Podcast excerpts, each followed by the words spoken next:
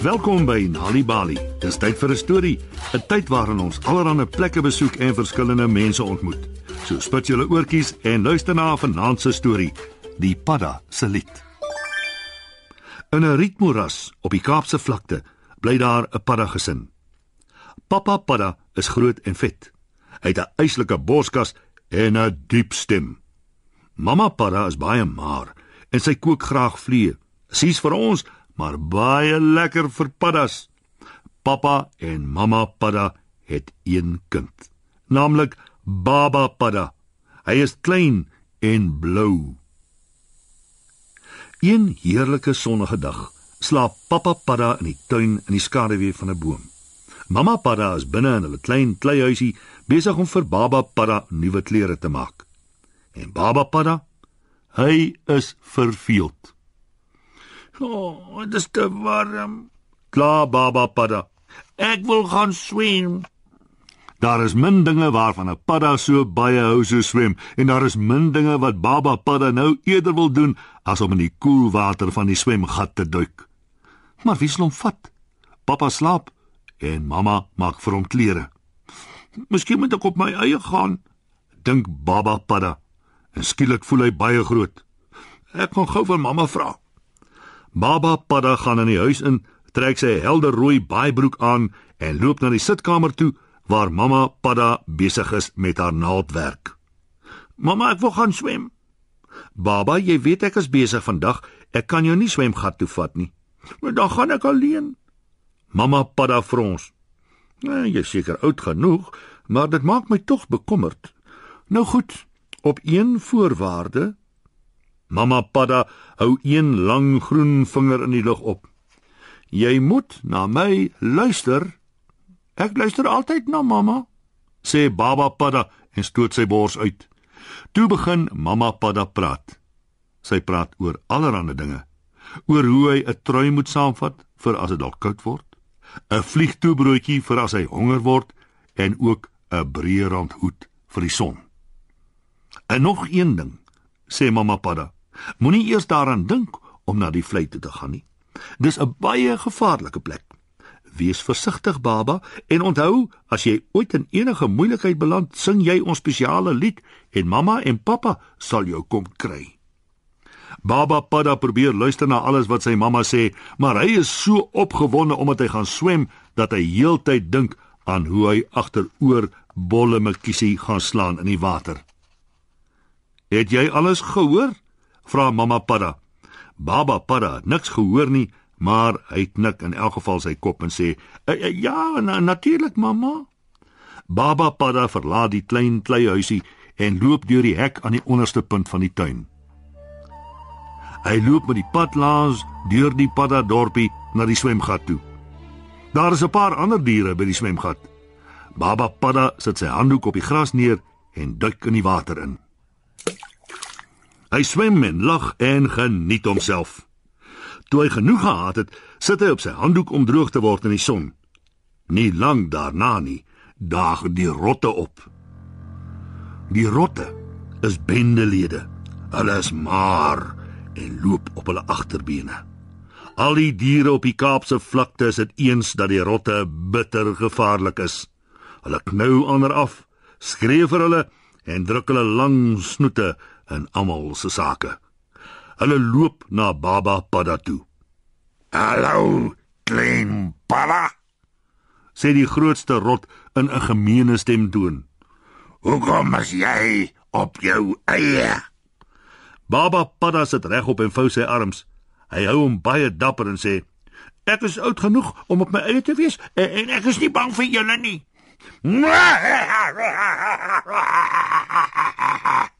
Die rotte lag.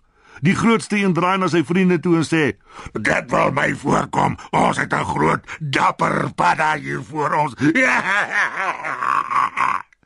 "Ek is dapper," sê Baba Padda. "Wel," sê die groot rot, "as jy so dapper is, klein padda, hoekom kom jy nie saam met ons na die vlei toe nie? Toe. Ons daag jou uit." Die kleinste rot loer agter die grootste een uit te sê: "Ja, Ons daag jou dubbel uit. Baba Padda dink aan die vlei. Hy dink aan die diep poele met bruin water en riete. Hy dink aan die mis wat oor alles hang. Die vlei maak hom baie bang. En verbeel hy hom of het mamma iets gesê oor die vlei. Hy probeer onthou wat, maar hy het mos nie na haar geluister nie. Nou goed, ek ek sal saam met julle gaan. Ek, ek is nie bang nie.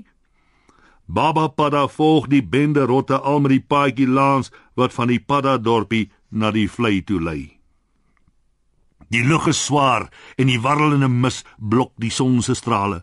Baba Padda wens hy was by die huis. Die rotte spot hom en noem hom allerlei lelike name, maar hy ignoreer hulle. Toe die mis so dik so sop word, kruip die groot rot stilletjies van agterop hom af en stamp hom in 'n poel water in. Die bende hardloop lagend weg. en sommer gou is Baba Padda heeltemal alleen. E-, e-, ek wil huis toe gaan. Maar toe Baba Padda omdraai om te gaan, is hy mis oral. Hy kan niks voor hom sien nie. Nee, ek is heeltemal verdwaal. Baba Padda soek en soek en soek na 'n manier om uit die vlei uit te kom, maar te vergeefs. Die mis is te dik en dit raak nou al donker. Ek moes nooit na die aaklige rotte geluister het nie. Dink Baba Padda. Skielik hoor hy vlerke fladder en twee eislike groot naaldekokers kom deur die mis aangevlieg. Hulle jaag die klein palla rond deur die vlei. Hy spring, spring om weg te kom en beland op 'n hoë blare. Teen die tyd dat die naaldekokers eintlik wegvlieg, is dit gitswart nag. Wat maak ek nou? Wonder Baba Padda. Hy wil wil huil waar hy bewend onder die hoë blare sit. Ek is so bang. Ek moes nooit hierheen gekom het nie. Hy dink aan sy warm huis, sy groot pappa wat in die tuin slaap en sy pragtige mamma wat kos maak in die kombuis. Mamma, wat het sy gesê met hy doen iets van 'n toebroodjie? O, dit sou nou lekker gewees het. Hy's nogal honger, sy maagie grom skoon. Dan onthou hy nog iets. Sy mamma het gesê as hy in die moeilikheid is, moet hy sing. Sing vir 'n padda is soos om help te skree wanneer jy verdwaal het. Baba padda pof sy borskas op en sing. Na 'n ruk hoor hy iets deur die vlei aankom. Hy kruip dieper onder die blare weg. Wat dit ook al is, dis nou baie naby. Hy skrik groot. Die ding het eislike rooi oë wat in die donker gloei. Nee, asseblief, moenie my opeet nie. Huil Baba Padda. Hier is hy, sê 'n diep stem wat hy baie goed ken. Dit is toe nie 'n vleimonster nie. Uit die mis uit verskyn Papa Padda en hy pof sy eislike bors op.